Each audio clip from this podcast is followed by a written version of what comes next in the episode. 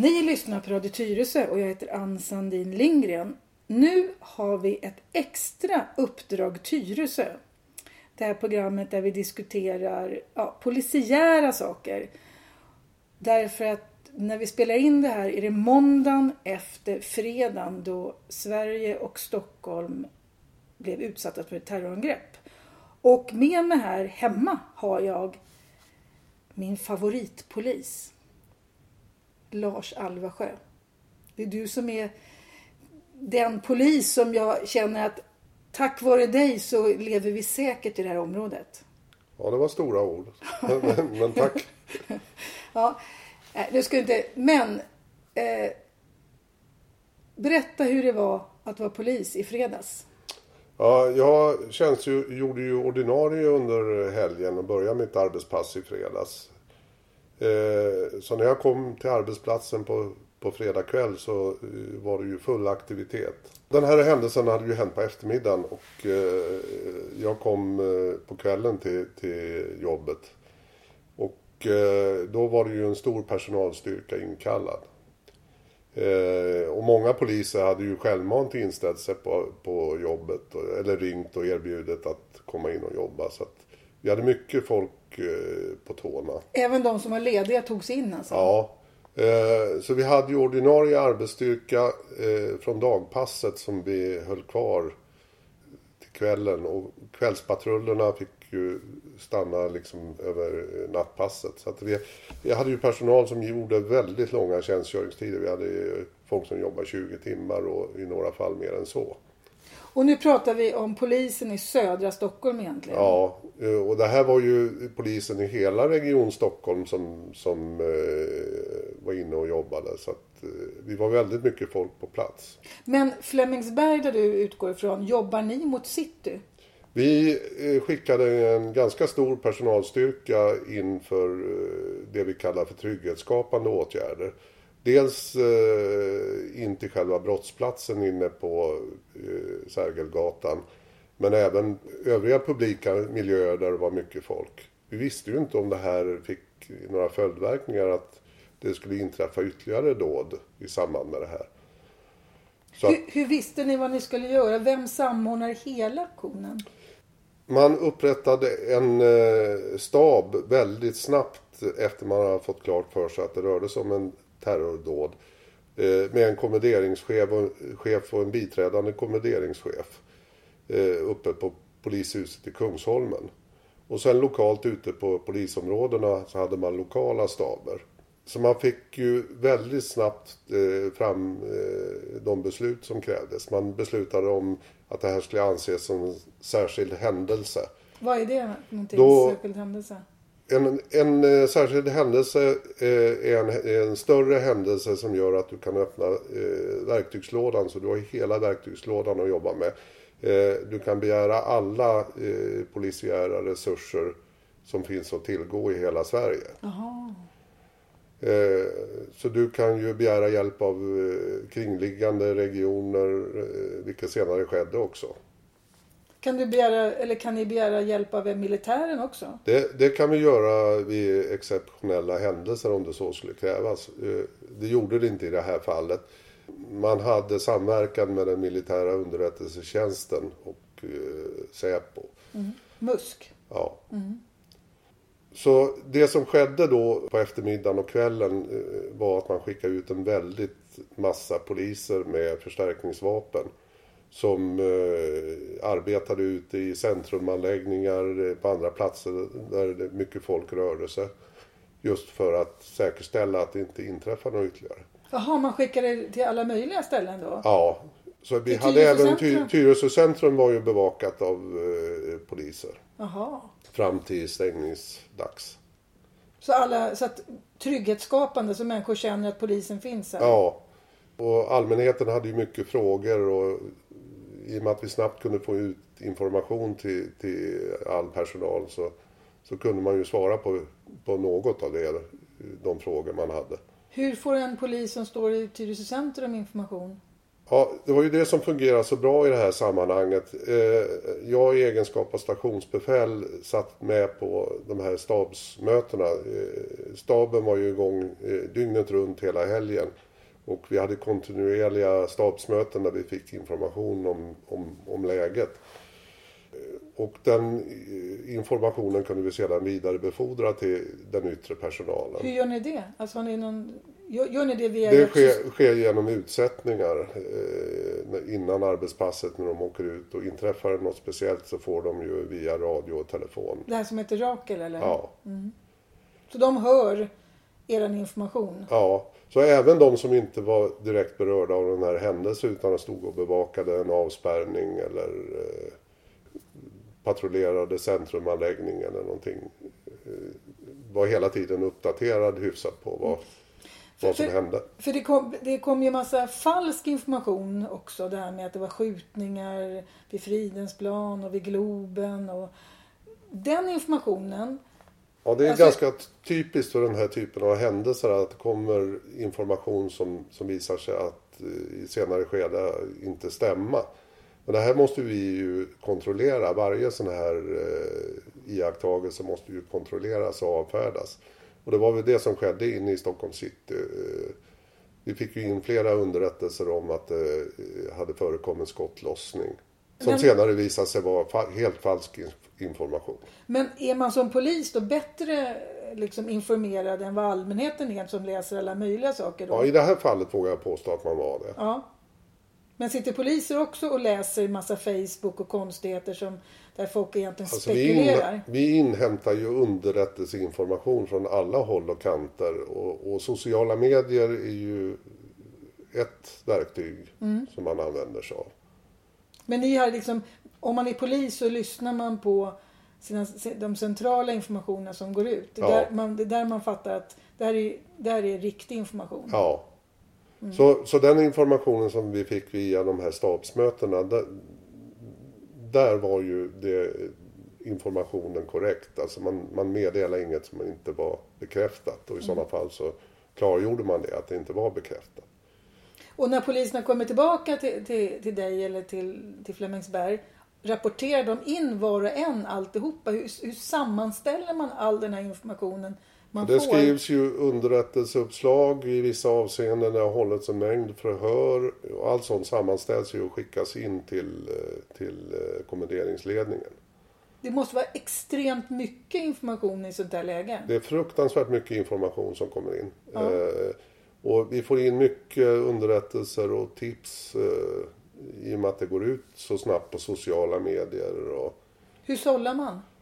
Ja, man gör ju en grovsållning först och främst och sen får man ju försöka bedöma vilka tips som, som har bäring och så får man ju börja med dem, arbeta utifrån det då. Mm. Man hade ju snabbt en bild på den här gärningsmannen. Ja, och det är ju också ett exempel på att arbetet fungerade väldigt bra här. Här eh, lyckas man från bildanalysgruppen eh, gå igenom övervakningskameror och få fram en bild på en misstänkt. Han var ju bara misstänkt i det läget. Mm. Men man gick ändå ut på presskonferensen med den här bilden. Ja, och det var väl det som gjorde att vi så snabbt kunde gripa honom sen. Mm. För det gick ju väldigt bra. Alltså med tanke på... Alltså, jag kan ju tycka liksom att svensk polis har fått väldigt mycket negativ publicitet. Nu funkade ju allting jätte, jättebra. Det var ju väldigt proffsigt allting. Ja, som jag kan bedöma det så har ju den här insatsen går, gått förvånansvärt bra. Mm. Med tanke på den kritik som har varit innan. Men, men framgångsfaktorn här är ju att vi har ju haft engagerade poliser som har de första polispatrullerna som kom till den här platsen möttes ju av en fruktansvärd syn. Ja. Det var döda och skadade människor eh, längs hela gatan. Eh, chockade människor som sprang kors och tvärs. Vi hade en lastbil inkörd i Åhlénsvaruhuset som är ett av Sveriges största varuhus som dessutom brann. Mm. Och i det här läget visste man ju inte om det fanns någon sprängladdning som kunde eh, gå av när som helst. Mm. Och här ger man sig in och börjar agera direkt. Med risk för eget liv såklart. Ja, ja. Eh, och även eh, väktare från vaktbolagen som, som jobbar i området plus eh, en del av allmänheten gjorde ju fantastiska insatser mm. på den här platsen. Mm.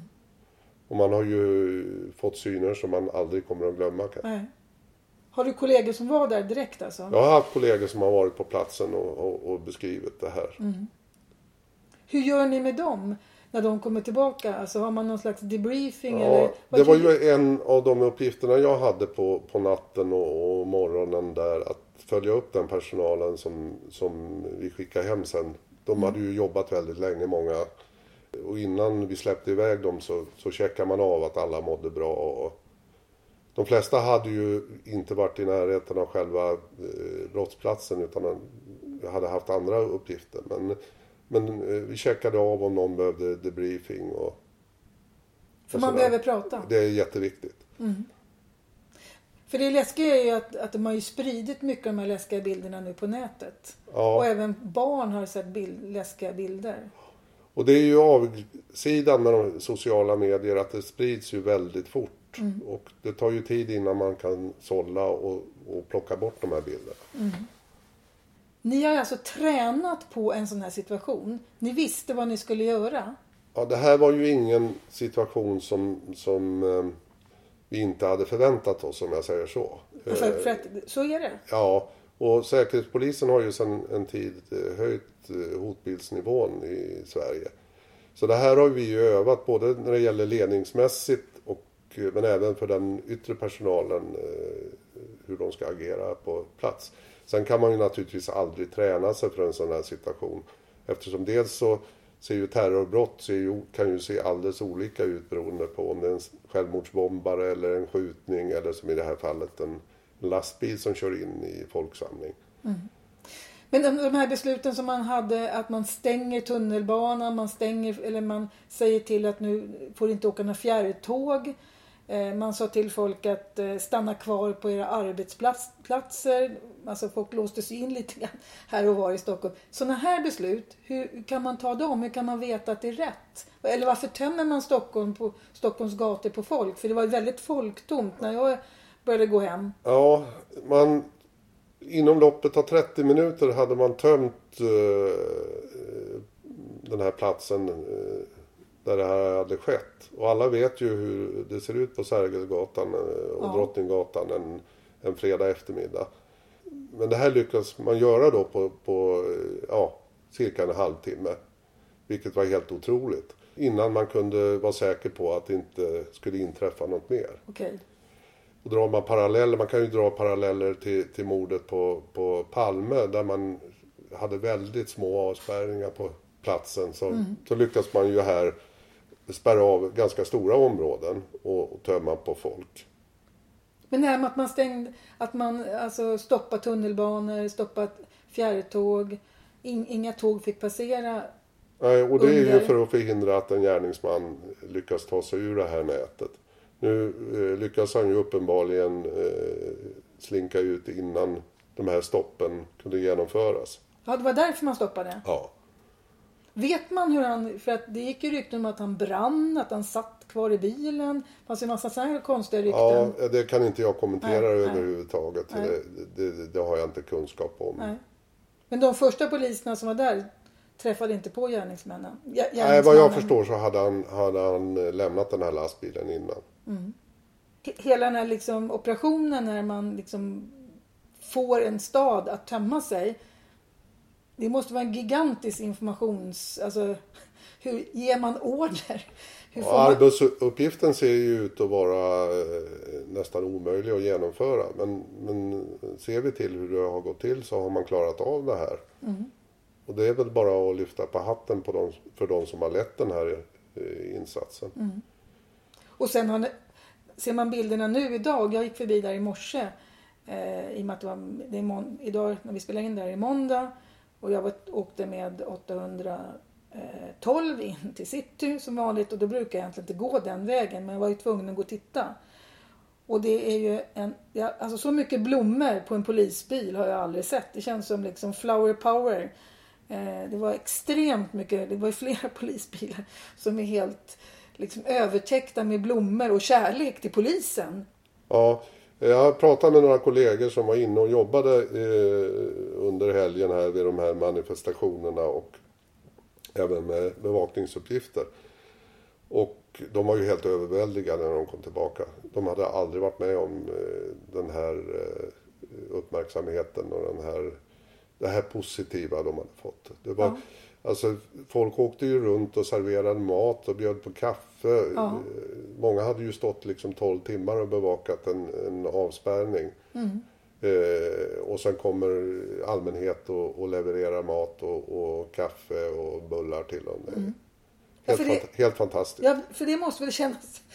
Det måste väl kännas ganska bra med tanke på mycket skit som polisen har fått sista åren. Ja. Eh, Och många har sagt det att det här kommer man leva på länge. Mm. Och det, det roliga är ju att det här är ju ett bevis på att eh, svensk polis kan leverera när det verkligen gäller. Mm. Här ser vi vad vi har möjlighet att åstadkomma när vi är tillräckligt med folk och vi har ordentliga arbetsvillkor.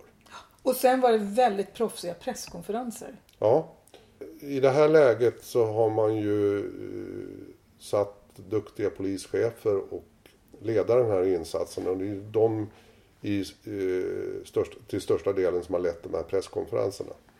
Det är ju Stefan Hector från NOA, eh, Jan Evensson, biträdande kommenderingschef från Stockholm, NOA, nationella operativa avdelningen. vad är det för någonting? Det är ju eh, Polismyndigheten för hela Sverige.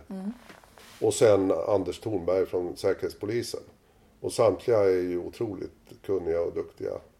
Jan Evensson har jag haft eh, möjlighet att jobba med. Han var min polismästare både i Södertörn och i Nacka. Jaha, jag vet att han är en väldigt duglig polischef. Eh, och det ser vi ju inte minst nu på, på allt beröm som kommer både från svensk press men även internationellt. Att man är ju väldigt eh, imponerad av hur, hur de här presskonferenserna har genomförts. Och det måste väl kännas lite bra efter mordet på Palme som var en...